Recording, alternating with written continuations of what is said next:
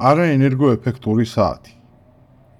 Windows 11-ის ფუნქციონალურ განახლებებს არაერთხელ შევეხეთ წინა გამოშვებებში.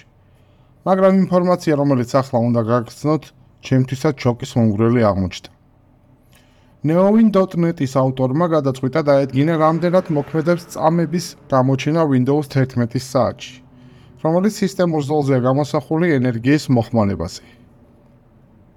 მომენტ სამი განახლების ერთ-ერთი კომპონენტი სწორედ ამ ფუნქციონალს ამატებს საოპერაციო სისტემაში. ექსპერიმენტი HP Pavilion X360 ნოუთბუქზე ჩატარდა, რომელსაც მე-11 თაობის Intel Core i3 პროცესორი და 16 გიგაბაიტი ოპერატიული მეხსიერება აქვს. ტესტირებისას კომპიუტერის ფრენის რეჟიმში და ეკრანის მაქსიმალური სიკაშკაშით იყო.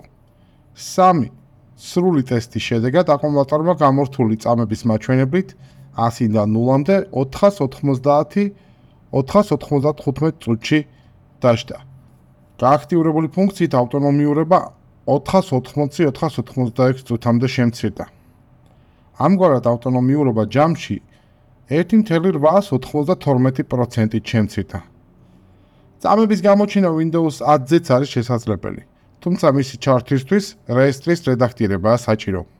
Windows 11-ში ამის გაკეთება პარამეტრების აპლიკაციიდანაა მარტივად შესაძლებელი. პროგრამული უზრუნველყოფის ხარისხი დროთა განმავლობაში უნდა გაუმჯობესდეს.